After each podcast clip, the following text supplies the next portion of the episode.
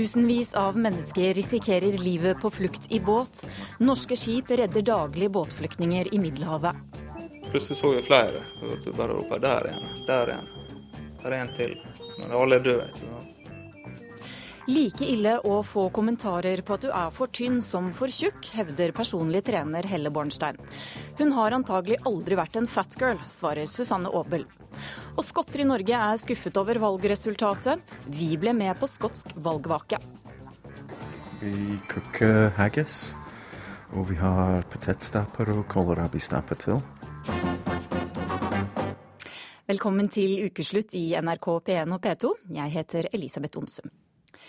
Med livet som innsats har mer enn 130 000 flyktninger forsøkt å krysse Middelhavet i skrøpelige båter. Rundt 3000 har mistet livet på den samme ferden bare i år. Ukeslutts reporter Linn Beate Gabrielsen har møtt to familiefedre fra hver sin side av Middelhavet. En afghaner som mistet kone og barn under flukten over havet, og en nordmann som har reddet mange liv denne sommeren. Nei, det var nå på mandag, faktisk. Da sto opp og skulle på vakt i åttetida. Så ser vi en båt komme mot oss. Og ser med en gang Vi har skjønt fra tidligere at dette er en flyktningbåt. Det har vi sett mange ganger før. Og vi slår alarm og, og tenker at nå må vi ja, vi må jo sette i gang et eller annet her. Han har nettopp kommet hjem fra fire uker på et skip i Middelhavet. Fire uker og sju redningsaksjoner. Og har funnet ut at det, det viktigste for oss er først å ta ned det libyske flagget. Det må vi ha med ned med en gang. For det, det, det de er reddest for, det er å havne tilbake til Libya. Prøve å klargjøre mest mulig ting. da. Men, ja, helt enkle ting. Vann og pledd og medisinsk utstyr i tilfelle det skulle gå galt. Alle mann er oppe. Vi, vi er godt med utkikker og sånn som det der. En vanlig norsk familiefar, stødig blikk, rutete skjorte. Men det er vanskelig å snakke om det han har opplevd. Hvordan kjenner du på den situasjonen? Nei, jeg er bare ganske klar over det at det ligger, det ligger mye folk rett i nærheten av oss som er i stor fare for å miste livet hvis vi avslår dem. Hvis vi bare Jeg forstår jo det at de sikter på oss, på en måte. Det, de vil ut i oljefeltet der og håper på å bli redda. For de kan aldri nå Italia. De fleste partnere Så gummibåtene tåler ingenting. Han vil ikke stå fram med navn av frykt for egen sikkerhet. Bare mandag denne uka var det ni redningsaksjoner samtidig i Middelhavet, ifølge Norges Rederiforbund. Vi fikk jo beskjed med den italienske marinen at de var veldig opptatt med andre ting. Så det var andre operasjoner som fikk mye større prioritet. For det var gummibåter det var snakk om. Dette var trebåt vi lå og passa på, som var litt større. Så da spurte de oss om vi kunne ta opp ta denne båten opp. Da. Ikke ta opp båten, men ta opp folka. Og eh, det sa vi selvsagt ja til, i og med det var sånn som det var der nede. Og, og det gikk egentlig veldig raskt for seg. I løpet av en time så hadde vi alle sammen om bord. Vi, vi telte jo opp alle som kom der. Og det var, var 24 eh, spedbarn og like mange litt større unger. Og 50 kvinnfolk og resten mannfolk i alle aldre. 2,75 enda det på tallet. da. Så Vi hadde aldri forestilt oss at det skulle komme så mange folk ut av denne, denne båten. der, For den var ikke større den enn de andre båtene som vi har vært i kontakt med. Så jeg husker det var en av disse her eh, mannskapene i redningsbåten der han spurte ei, dame der, hun var alene og var gravid. Og jeg hadde, hadde med seg en liten unge også. Så sa han, eh, han hvorfor du utsetter deg for det her? Hvorfor du setter deg i denne båten her? Og da sa hun at eh, jeg vil heller sitte i den båten her enn å sitte i Libya. Så da, da vet en sjøl hva som har skjedd. Norges Rederiforbund og Flyktninghjelpen vil ha norske myndigheter på banen. Nå er Italia alene det, stort sett der nede. Eh, og eh, vi vet fra FN at det sitter 750 000-800 000 mennesker i det nordafrikanske kystbeltet og venter på å komme over. Det sier administrerende direktør Sturla Henriksen.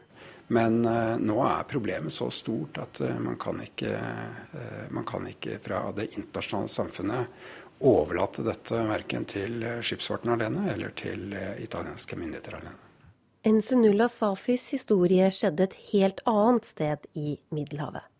Han solgte huset sitt i Afghanistan og betalte 43 000 dollar, eller 272 000 kroner, for å frakte familien over Middelhavet i en liten båt.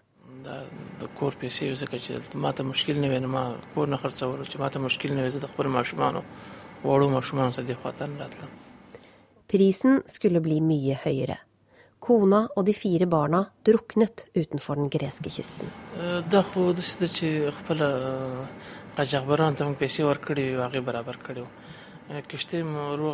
Safi forteller helt rolig om den dramatiske båtturen. De var fire familier om bord, 27 til sammen. Da de nådde kysten av Hellas, traff de på den greske kystvakta. De tauet båten mot Tyrkia i høy hastighet.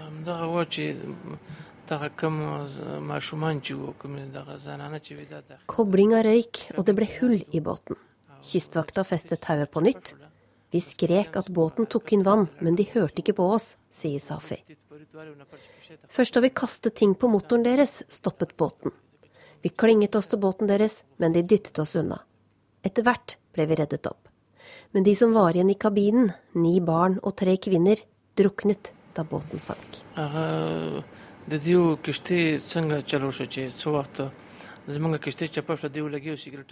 Den greske kystvakta benekter dette, men saken har fått EU til å kreve en uavhengig granskning av hendelsen. Selv om norske skip har reddet 1500 personer denne sommeren, så hender det også at det går galt. Klokka åtte på kvelden så fikk vi en nødmelding, og samtidig så fikk vi en telefon fra Kystvakta jeg lurte på om vi kunne bare fortsette, eller gå på, gå på en bestemt posisjon der i full fart, for det var en båt som hadde gått ned. Jeg visste ikke hvor mye folk det var, men det var mange. Og når vi kom fram, da, så var vi noenlunde forberedt, trodde vi. Men uh, vi var ikke det. for det. Plutselig så vi det begynte å blinke i redningsvester, og vi begynte å se ting rundt oss. da. Og da plutselig seila vi inn, begynte vi å se folk rundt oss. ikke sant? Vi så... Jeg bare ropte 'der jeg ligger igjen i, i vannet der'. Da var jeg rett ut med båten og bort og sjekke. Og da, men plutselig så vi flere. Så hørte vi bare rope 'der igjen', 'der igjen'. Der er en til. Men alle er døde, ikke sant. Og så sa nei, bare fortsett å, fortsett å lete etter noen overlevende først. Kanskje vi finner noen. Og det fant vi etter, etter ti minutter. Da fant jeg en overlevende. Men da hadde jeg sikkert telt 20 som ikke var var håp for det. Så gikk det en fem minutter til. Da fant jeg en til karer. Og fikk dratt han opp i mobba opp i den redningsbåten. For hvordan er det å oppleve det der? Det, veldig, det er jo veldig uforberedt. da. Vi tenkte ikke på engang at vi kunne at vi skulle møte så mye elendighet på en og samme plass. Det, vi så veldig mye folk som har knytta seg sammen. Så liksom, Du så det sikkert logger der ute en stund. da.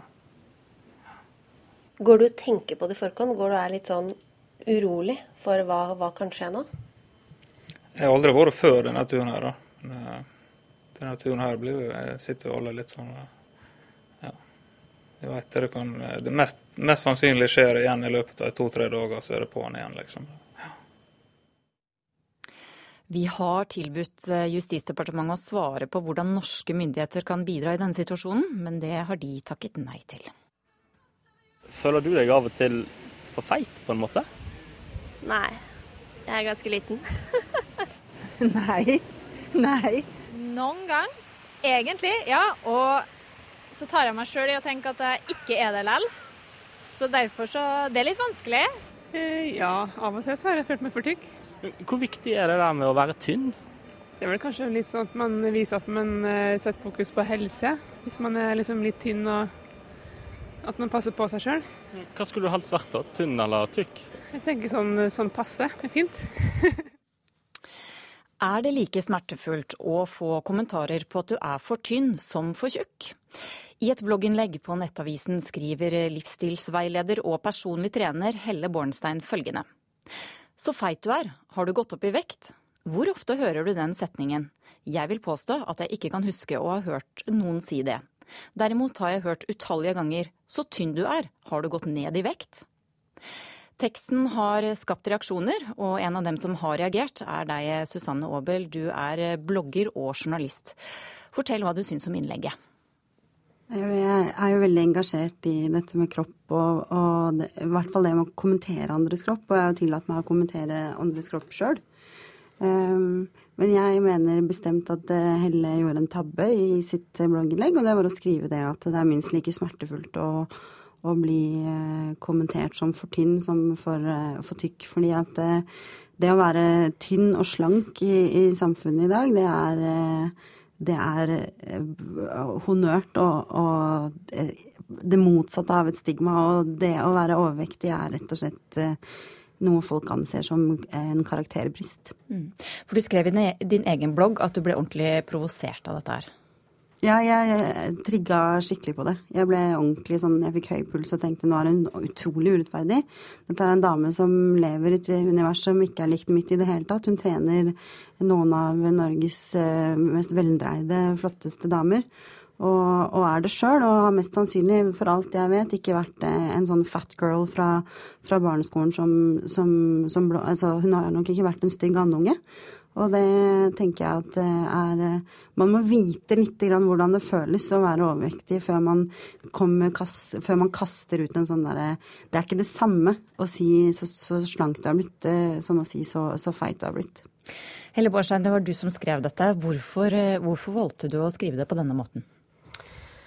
Nei, Som blogginnlegget viste, og som jeg fryktet, så er temaet fedme eh, veldig vanskelig å snakke om uten at noen føler seg mobbet eller stigmatisert.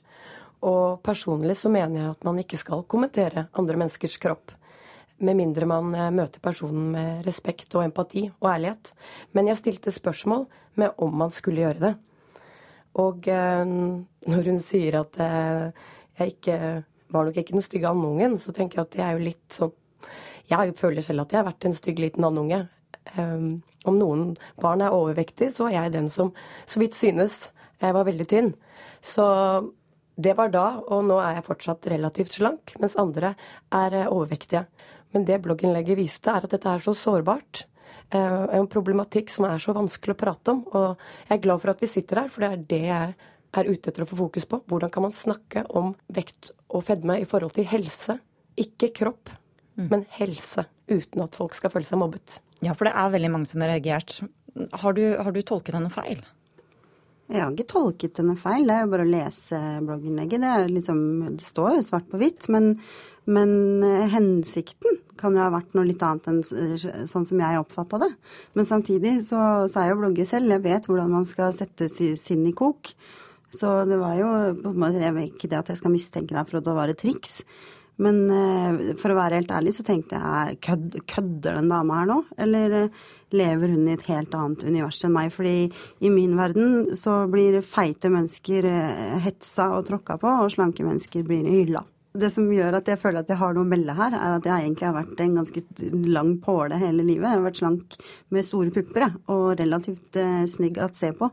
Så jeg har aldri slitt, slitt når jeg ikke følt meg som en stygg andunge. Eh, og det var kanskje litt urettferdig av meg å, å, å, bare ta for gitt at du ikke har følt deg sånn. Det vet jeg ingenting om. Men eh, jeg har fått kommentarer i det jeg begynte å legge på meg. Men Helle Borsheim, mener du at det er like belastende å være for tynn som det er å være for tjukk? Jeg har ikke kritisert noen. Jeg har bare stilt spørsmål med er det OK å, kriti å kritisere eller kommentere. Men jeg er ikke enig i at du bare stilte spørsmål. Du konstaterte egentlig at man burde få lov til å påpeke andres fedme hvis det var greit å påpeke andres eh, slankhet eller for tynnhet. Da. Ja, men syns du at, at det er OK? Jeg tenker at det, så vidt jeg husker sjøl, og det eneste jeg Men nå spør jeg nå, er det OK å kommentere en annen persons kropp? Personlig syns jeg ikke vi skal gjøre det, hvis man skal kommentere en persons kropp. Til syvende og sist så viser det seg at man skal holde seg langt unna å kommentere andres kropp i det hele tatt. Så da spør men, jeg deg, hva, hva, hva, gjør vi? Hva men, gjør vi når vi må skal ta opp et tema som overvekt? Jeg kan i hvert fall fortelle deg så mye som så, at hvis du er overvektig, så vet du det så jævlig, unnskyld eh, hvis det er lov å si, mye bedre enn den slanke personlige treneren som står foran deg. Ja, nå har det seg sånn at jeg er slank, og jeg får høre det. jeg har fått høre det. Men blir du lei deg av å høre at du er slank? Er, det blir, nei, men, er, det, er det en negativ kommentar? At, ja, men jeg får høre at 'gud, så tynn du er, er du syk'? Uh, jeg vet ikke helt hvor hyggelig det er. Og jeg, ikke, jeg, er ikke ute etter en krig mellom de tynne og de, de overvektige. Nå har det seg slik at jeg er slank, og jeg ønsker at vi skal ha fokus på en god helse. En god vektbalanse. Og jeg vil så gjerne at vi skal ha fokuset på hvordan kan vi få en midje, eh, midje som er helsemessig gunstig. Og jeg vet, jeg vet, har du vært i Øst-Europa? Har du sett Nei, men, hvordan mennesker ser ut rundt omkring? Det er, sånn, er, det er ikke alltid man kan tre altså liksom, Nei, ja, Hvis ikke man trener helt enormt mye eller er helt nazi på dietten sin, så kan det være utrolig vanskelig for folk å holde denne midjen da, ja, det skjønner jeg, og det er, som er, så lett for deg. Nei, jeg sier ikke at det, det er ikke det det snakker om. Jeg spør deg, hvordan kan vi snakke om fedme? Jeg syns vi har et godt utgangspunkt, da. Ja, det er bra. Men da spør jeg deg, kan du hjelpe meg? Sånn at ikke jeg tråkker noen på tærne. fordi det er jo det jeg som en budbringer har gjort. Jeg føler at jeg har sagt noe som kanskje andre tenker. Men så har jeg sagt det, og så har jeg fått hatmeldingene og positive tilbakemeldinger og kritikk. Og nå lurer jeg på hvordan kan vi løfte denne debatten dit hvor vi kan få til en positiv utvikling i forhold til overvekt. Jeg tenker at vi i hvert fall skal begynne med å ikke gjøre de slanke til offer i helsedebatten. Men skal vi gjøre de overvektige til offer? De overvektige er et offer i forhold til mobbing, og det at de Forskning viser jo at eh, overvektige mennesker får, eh, mister jobber for, før, altså foran slanke og, og vakre mennesker. Og det er et eller annet med å være overvektig som er et stigma som ikke kan sammenlignes med det å være slank, for det blir sett på som beundringsverdig. Du har karakter, du har viljestyrke, og det er et eller annet Hvis du er 200 kilo overvektig, så er du et kadaver av et eh, spineless menneske. Men, er du er ikke... 40 kilo undervektig, så har du karakter. Ja, og begge, jeg, jeg, alle, jeg, begge er uenig i det at man har karakter om man veier og ser ut som et skjelett. Altså, jeg, jeg, ser ikke den. Eh, og jeg, jeg, er ikke ute etter en krig. Det virker på meg som du er ute etter at vi skal sette de tynne mot de overvektige. Det er ikke det jeg er ute etter. Jeg er ute etter å sette fokuset på midjen og det magefettet som vi vet er farlig. Hvordan kan vi snakke om det uten at dette skal bli en krig? Jeg tenker at det, Vi kan snakke om det, men det jeg lurer aller mest på, er hvordan kan man bli kvitt det? Ja, dere ringer meg. ok, takk skal dere ha. vi, tar, vi tar et eventyr. Cardiff, det, det blir et eventyr for familien. Ja, Livet ble vel ikke helt som planlagt for Ole Gunnar Solskjær. Eh, livet som Cardiff-trener, altså. Torsdag denne uka var det slutt, 259 dager etter at han takket ja til jobben.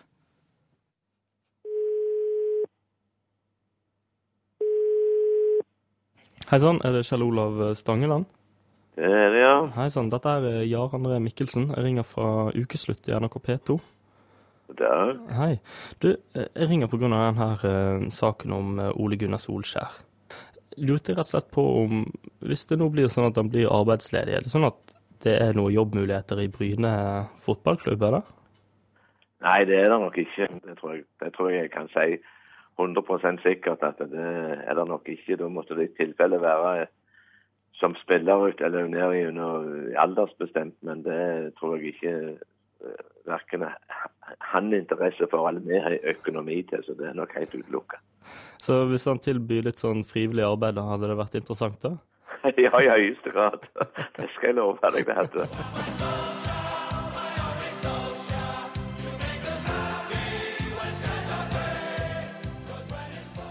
Hei, trivelig. Ja, i like måte. Kom inn, du. Hva er det egentlig som har skjedd nå de siste dagene, som har ført til at eh, Ole Grunnar har måttet uh, gå av? Hovedgrunnen er jo selvfølgelig at um, klubben hans, Cardiff, ikke har fått nok poeng. Det, det er den viktigste grunnen. Det er det ingen tvil om. For i fotballbransjen så lever alle av poeng. Det nytter ikke å snakke om possession, at man er god der, hvis man taper fotballkamper. Laget ligger på 17.-plass med bare to seire, og det er altså ikke godt nok for, for styret. Og vi har jo også sett at supporterne har gått imot Ole Gunnar.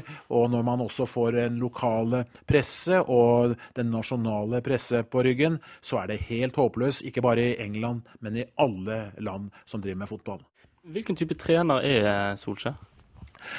Ole Gunnar har jo en eventyrlig CV på tre sesonger i Molde, to seriemesterskap og ett cupmesterskap. Det kan jo ikke gjøres eh, bedre. Så alle dører er åpne for Ole Gunnar Solskjær hvis han kommer tilbake til Norge.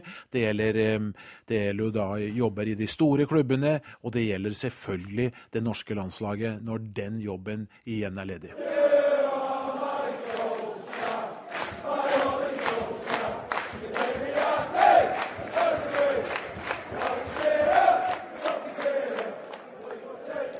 Det var reporter Gøran Ree Mikkelsen som hadde møtt eh, Arne Skeie.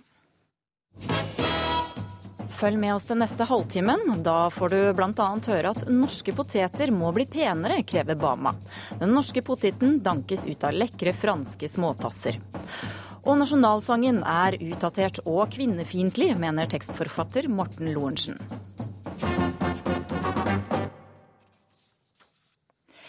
Skjønnhetspresset rammer ikke bare folk. Nå har den jammen nådd potetåkeren også. Denne uka kunne vi lese i avisen Nasjonen at Bama, som leverer poteter til Norgesgruppen og Rema, har innført skjønnhetskrav til poteter. Mindre skurv, færre prikker og brune flekker på skallet, krever Bama. Den norske poteten har fått konkurranse av små, runde, delikate franske poteter.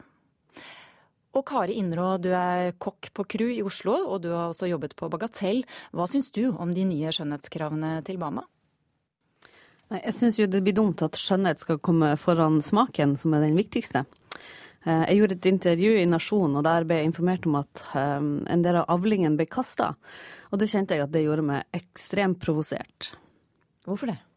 Nei, altså For det første så jeg syns det å kaste mat er noe man ikke skal gjøre. Nå vet jo ikke jeg absolutt alle fakta i denne saken, men, eh, men jeg syns jo at eh, som, eh, som, en stor aktør som Bama, så kunne de jo gå foran med et godt eksempel. Som f.eks. å selge de med litt grann skader i skallet eller sånn til en rimeligere pris, og heller gå å, bruke, være et godt eksempel, og at ikke det ikke skal være det perfekte som er normalen. For sånn vet vi jo at det er det jo ikke. Mm. Harald Osa, du er også en profilert kokk, og nå jobber du for Bama. Hvorfor eh, er ikke den norske poteta bra nok? Nei, det er vel ingen som har sagt at den norske poteten ikke er bra nok, men, men vi må hele veien ha noe å strekke Men dere har skjerpet kravene? Ja da, vi har skjerpa kravene, og, og, og, de kravene går på tre ting i hovedsak. Og det er jo mekaniske skader som oppstår når man tar opp potetene, når man bearbeider potetene i, i, i verdikjeden.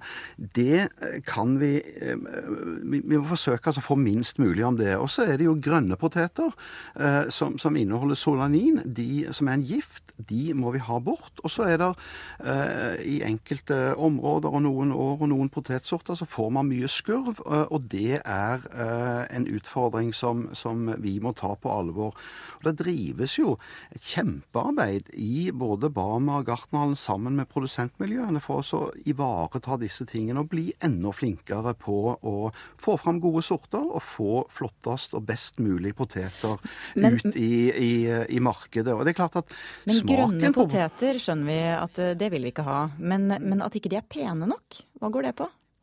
Yes, en, en, potet som har mye skurv, den er jo ikke noe pen, og den velger forbrukeren bort i butikken. Uh, det, er, uh, det kan vi like eller ikke like, men det er faktisk forbrukeren som, som gjør disse valgene, og da må vi forholde oss til, til, det. Og nå blir de utkonkurrert av de franske fordi de franske ser bedre ut. Innrå, er det ikke forbrukeren som bør bestemme? Det er jo ikke alltid forbrukeren vet hva som er best. Så nei, det syns jeg ikke. Men jeg, jeg forstår jo òg at man velger det som er eh, jevnest, likest, penest. Men hvis du har et valg, og i dag der fokuset er på eh, lokalprodusert mat, på bærekraft og i det hele tatt, så hvis det finnes, det burde i hvert fall finnes et alternativ. Man burde ikke luke det ut. Og sånn som jeg oppfatter det, som er det akkurat det som skjer da med, med disse potetene. Ja, Osa, du har jo eh, jobbet for å fremme nettopp norsk mat eh, som eh, tidligere daglig leder av stiftelsen Norsk matkultur. Hvordan harmonerer dette med det, når norsk potet blir fortrengt til fordel for fransk? Nei, men Det harmonerer jo eh, kjempegodt, dette her. Vi jobber jo for oss å ivareta norske potetsorter og, og, og, og volumutviklingen på norsk potet. Så det er jo midt i blinken, det. Eh, og, når det blir sagt at, eh, at potetene blir sortert bort og kasta, så er jo ikke det riktig. Altså, Man kaster jo ikke poteter. De går jo til andre formål. Bearbeida poteter, enten det er å lage mos av eller fløtepoteter, potetsalat osv. Eller, eller, de går til, til, potetsprit eller å lage potetmel av. Så det kastes jo ikke noen poteter. Men, men det er klart det sorteres ut uh, de potetene som skal til konsum i butikk. Uh, fordi at forbrukeren vil ha de penest uh, mulig. Mm. Tor Johannes Rogneby, du er selv potetbonde, og du er også leder i grøntutvalget i Norges Bondelag. Hvordan opplever norske bønder disse skjerpede kravene fra Bama? De strengere kravene vil jo føre til at det som blir dyrket, at det blir mindre av det som går til matpotet. Eh, økonomisk så vil det gjøre kanskje 20 øre per kilo for oss. Og faren for eh, at partiet blir avvist, det, de vil øke. Men hvordan opplever dere denne konkurransen fra Amadinepoteten, Amadine-poteten, da, som, som, er en av de største konkurrentene fra Frankrike? Det er, klart jeg ser, det er jo det som er grunnen til de skjerpede kravene, tenker jeg er nettopp amadinepoteten. Den ligger jo i butikken og er supervakker. Eh, den blir importert fra Frankrike, og det er jo de peneste av de pene som blir importert til Norge. Og Forbruket har tredoblet seg de siste fem årene. Mens det norske forbruket har gått ned med 27 000 tonn. Så de har, men så de har jo også et fortrinn. 27 000 tonn? Ja, og det er mye. For fem år siden så var det 83 000 tonn, og nå er det nede i 56 000 tonn. Hvorfor eh, utkonkurrerer denne franske poteten de norske? Klart, eh, Det er jo annerledes å dyrke poteter i Norge og i Frankrike. De har eh, bedre vekstvilkår, men det er også andre konkurransefortrinn. For de har et annet regelverk for håndtering av høsta vare som påvirker aldring av poteten og sykdommer. Hva konkret er det de gjør? Flere tilfører da opptil tre ganger i løpet av lagersesongen et middel som gjør at potetene ikke begynner å spire. De holder seg rett og slett lenger pene. Dette tror jeg ikke er så mange forbrukere som vet. fordi det står på posene på der det er merket, så står det, det at det står antikerminativ, altså det står på fransk. Og det er vel ikke så mange norske som kjenner til. Eh, men merkeforskriftene sier at det ikke er pålagt å eh, merke for dette middelet. Så, så, så hva slags stoff er dette konkret? Det heter klorprofan, heter det her. Det er ikke tillatt til norske, til norske matpoteter. Og vi ønsker jo ikke å utsette norske forbrukeren for kjemiske stoffer. Vi ønsker å ha poteter som er så frie for kjemiske stoffer som mulig. Osa, kjenner du til dette? Nei, dette er ikke innenfor det fagområdet jeg jobber, jobber med. Men hva sier du da til at, eh, at franske amandinepoteter eh, får tilført eh, kjemikalier for å se bra ut?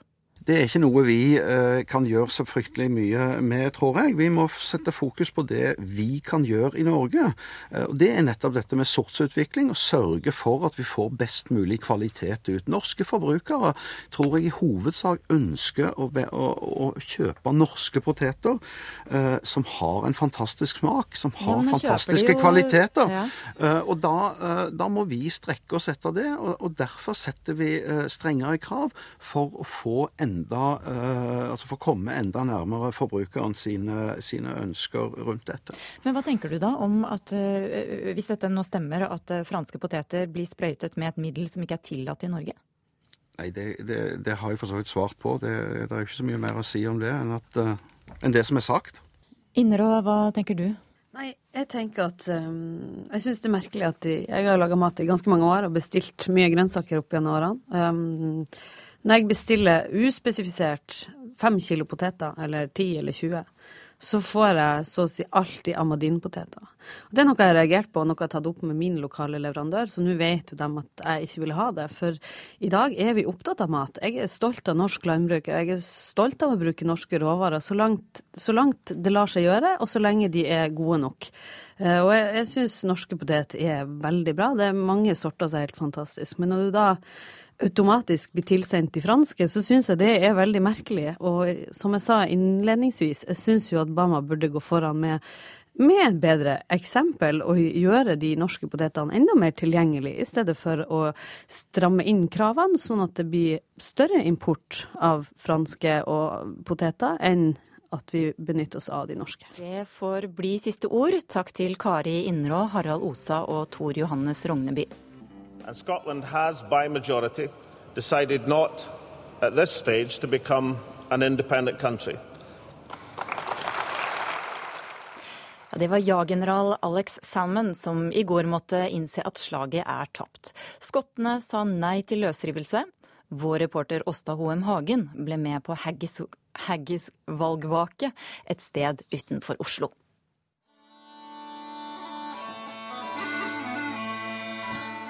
I stua til familien Robertson ljomer det i sekkepipa. Utenfor Det hvite huset med den store eplehagen vaier det skotske flagget i vinden. Forhåpentligvis i ja-vinden hvis far i huset får det som han vil. Det er torsdag, valgvake i Vollen, og jeg er invitert på middag. Vi koker haggis, og vi har potetstapper og kålrabistapper til. Robert Robertson er profesjonell sekkepipespiller og har bodd i Norge i 20 år. Men det er i Skottland hjertet hans er. Veldig spent. Og det har veldig gledet meg å være i Skottland nå for å føle den stemning. og har snakket med mor og søster, og de ser det er veldig spennende tider. Det er elektrisitet i, i luften. Kona Lill er minst like spent som Robert. Jeg håper jo på ja. Gjør det.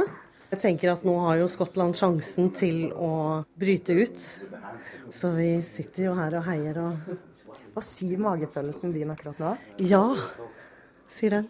Ja. Du tror på et ja? Ja, jeg gjør det. Jeg tror på et knapt ja. Mm. Nå skal vi servere en liten whisky. Det hører liksom med til haggis, da. Og haggisen? Ja, den var god, den. Mhm. Mhm. Det er godt. Ja. Godkjent.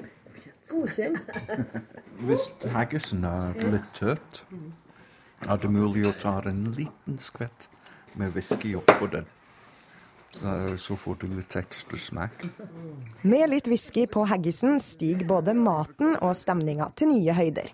To Scotland's freedom, independence and a good new life to the, the Scots people. Slancha. Valgvaka i Vollen fortsetter. Robert spiller sekkepipe, mens Lill serverer mer whisky. Flagget er pakka sammen som seg hør og bør, men spenninga er fortsatt til å ta og føle på når jeg må forlate både haggis og skotske folketoner. Men det går ikke helt som Robert og Lill hadde ønska. Norge får ikke et nytt naboland i vest. Et klart flertall av skottene stemte nei til uavhengighet. Hallo? Hei, Robert. Hei, Åsta. Ja, hva føler du nå når resultatet har kommet? Jeg er litt skuffet. Jeg er ikke overrasket. Har du trua på at eh, det likevel kan skje en løsrivelse en dag? Det skal vi få se. Ja, kanskje i fremtiden, ja. Robert har ikke gitt opp håpet, og Skottland er fortsatt splitta. Vil det være mulig for Storbritannia å finne sammen igjen? Jeg inviterte to vise menn på skotsk pub dagen derpå, for å finne svaret. Ja, selvfølgelig. Eh, Vi har eksistert sammen i flere hundre år. Eh, Vi må ganske langt tilbake før vi måtte opprette en, eh, en liten beskyttelse mot skottene. Richard Stott er engelsk og styreformann i det britisk-norske handelskammer. Over bordet sitter skotten Norman Henderson, som er president i The Caledonian Society, som er en forening for skotter i Norge. De satser på at whiskyen vil bringe skottene sammen. Vi pleier å starte sesongen med en whisky-tasting, hvor eh, vi samler flest mulig og gjester. Og eh, jeg regner med at eh, det blir litt livlige diskusjoner omkring det, men det blir i all, i all vennskap, tror jeg. Det tror jeg neppe blir noe alvor i det hele. Men Hvis vi skulle ha avslutta det her pubmøtet vårt med en litt sånn felles sånn skål, da. Hva kunne en engelskmann og en skotte da skåla om? Fellesskapet. Better together. Niceedens slogan 'Better together'. Men mener du det, da? Innerst i hjerterota skotte, Norman? Nå stiller jeg meg mot veggen, men per i dag, ja. Det vil jeg si absolutt per i dag. Men jeg ser for meg i, i fremtiden at spørsmålet kan vel reise seg igjen og få en, en, et annet utfall. Hva synes du om nasjonalsangen nå? Den er fin. Forstår du egentlig hva den handler om? Ja, jeg tror det. Men er det furet værbitt over vannet eller landet? Vannet. Det er vannet, ja. Er det det? Ja, det er det. ja, vi elsker dette landet Så Så husker ikke så mye mer. Begynner å bli gammeldags, men det er jo en nasjonalskatt allikevel. Så en kunne tenkt seg en sånn litt fornyelse, men samtidig kanskje beholde noe av det gamle. Syns det er fint, det. Det er vanskelig å synge, men det er fint.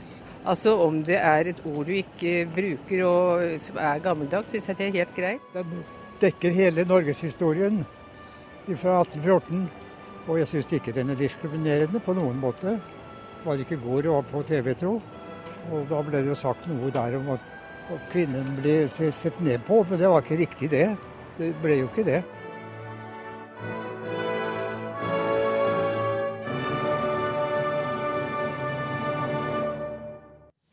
Ja, Sistemann der hadde fått med seg at nasjonalsangen har blitt kritisert for å være både utdatert og kvinnefiendtlig. Tiden er moden for å revidere teksten. Det mener andre du, tekstforfatter Morten Lorentzen. Hvordan er Ja, vi elsker kvinnefiendtlig? Ja, om den er kvinnefiendtlig så Jeg stiller bare, jeg stusser litt da, over det som uh, står i den teksten. Det står et sted at kvinner sto selv opp for å kjempe som om de var menn. Altså måtte de liksom agere som menn for å, delta i krigen. Et annet sted så står det at, uh, at uh, vi takker for at altså mennene har, alt hva mennene har kjempet, og mødrene har grett eller grått, står det. Og så lurer jeg på om det er slik vi ser på kvinners innsats i krig i Norge i dag, at de bidrar med sin gråt. Jeg vet ikke. At jeg ser at veldig mange historiske skrifter blir eh, revidert både språklig og politisk, sånn som f.eks. Eh, Grunnloven. Jeg ser at gamle salmer blir justert språklig eh, når de kommer i en ny versjon. Eh, noen sanger av medlemmer vi har i NOPA, store, flotte medlemmer som Knutsen og Ludvigsen og eh, Torbjørn Egner, har blitt på en måte politisk avskiltet fordi at man har i nyere tid funnet frem at de har brukt ord som, har vært, eh, som i dag oppfattes som krenkende om andre mennesker.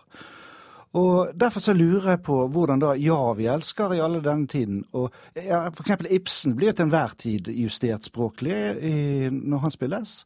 Det ser ikke ut som det er noen regler som gjelder Ibsens tekster. Og da lurer jeg på hvorfor har Ja, vi elsker kunnet uh, vandre fritt uten at denne diskusjonen har blitt kommet opp når det gjelder teksten i Ja, vi elsker, f.eks. Anne Jorunn Kydland, du er uh, forskningsbibliotekar ved Nasjonalbiblioteket. Er det behov for å skrive om teksten i nasjonalsangen? Jeg er nok mer tilhenger av fordypning, forklaringer og forundringer når man står overfor en tekst. Ikke at den forenkles eller forkortes.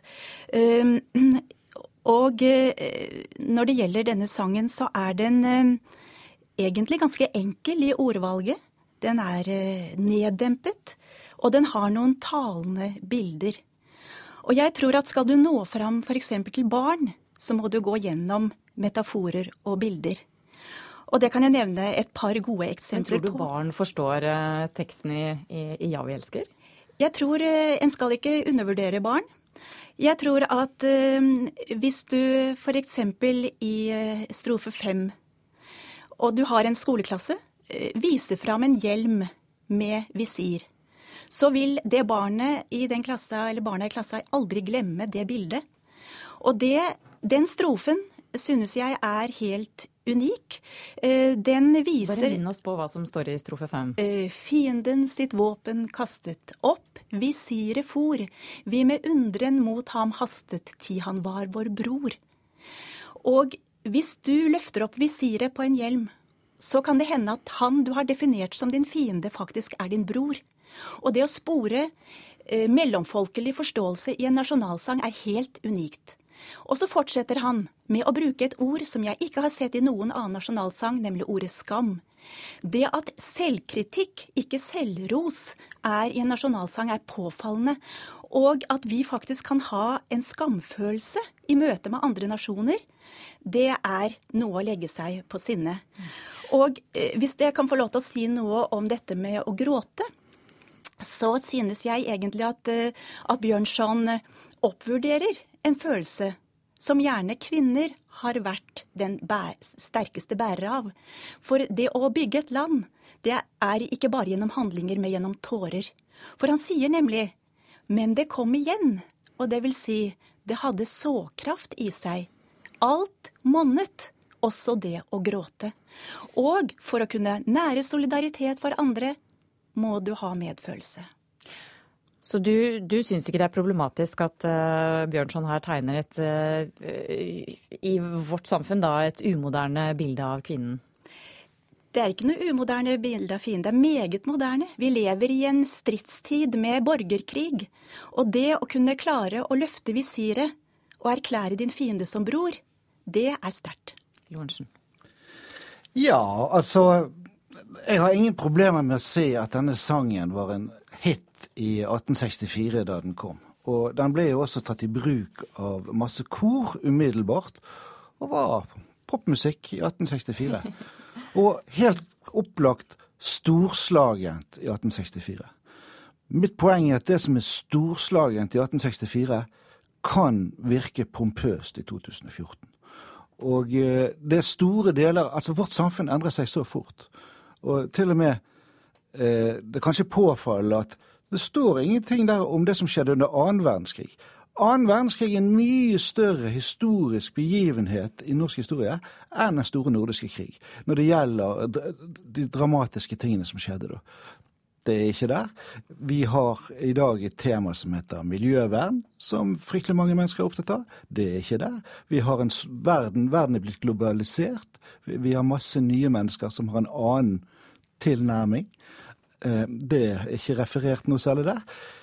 Altså Hvis Ja vi elsker skulle ført en større interesse for historie, så ville det glede meg overmåte. For jeg har historie som fag sjøl, og jeg syns det ville være stor stas at noen ble interessert i norsk historie og gamle vikinghjelmer med visir. Men jeg tror ikke noe på det. Jeg tror at lærere i norsk skole har litt andre ting å tenke på akkurat i dag enn det. Mm.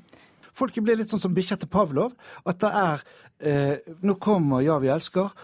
Og da får jeg en type gjenkjennelse av noe varmt, flott. Jeg er glad jeg tilhører dette landet og dette folket. Det er kjempevakkert. Jeg blir rørt. Sånn virker det, selv om vi ikke skjønner egentlig mye av det som står der. Nei, for, men du, du, kunne sett for deg at man endret teksten, men melodien vil du jo beholde? Jeg vil bare erte litt, og så vil jeg at man skal være litt opptatt av det. Fordi at denne sangen eh, er litt irritert over at mye blir forandret i andre tekster. Men denne teksten, som til dels har ting som jeg syns er uforståelig Jeg vet ikke ordentlig hva dette med saga natt som senkte drømmen på hva det betyr for noe. Jeg er ikke vanskelig, jeg er ikke spesielt tjukk i huet, men jeg skjønner egentlig ikke hva som står der. Men, men jeg skjønner at for folk flest så er det emosjon som betyr noe, ikke hva som står der. Det er ikke bare emosjon, men som et individ så har jeg ingen framtid hvis jeg ikke tar vare på min historie. Og slik også med et land. Og en annen ting, en må huske på at det var de fattigste fattige som brakte denne eh, sangen først ut. Det var gateguttene som plystret den. Så kom den inn i skoleverket gjennom sangbøkene, og så korene. Det har vært hjertenes valg. Det har ikke vært et dekret ovenifra. Det har ikke vært et segment i befolkningen som har valgt den ut. Det har vært som en utenlandsk, og det er veldig interessant å se på hva utenlandske iakttagere sier. En eh, som har studert alle nasjonalsanger i hele verden, sier at Norges nasjonalsang er helt usedvanlig fordi sangens liv er knyttet til nasjonens liv. Tukler du med sangen, så gjør du noe med nasjonens liv. Og det er da ganske tankevekkende. Her er det snakk om bevissthet og emosjoner. Takk skal dere ha, Anne Jorunn Kydland fra Nasjonalbiblioteket og tekstforfatter Morten Lorentzen. Ukeslutt takker for følget. Ansvarlig for denne sendingen var Anja Strønen. Teknisk ansvarlig Lisbeth Sellreite. Skript var Lars Christian Rød. Og jeg heter Elisabeth Onsum.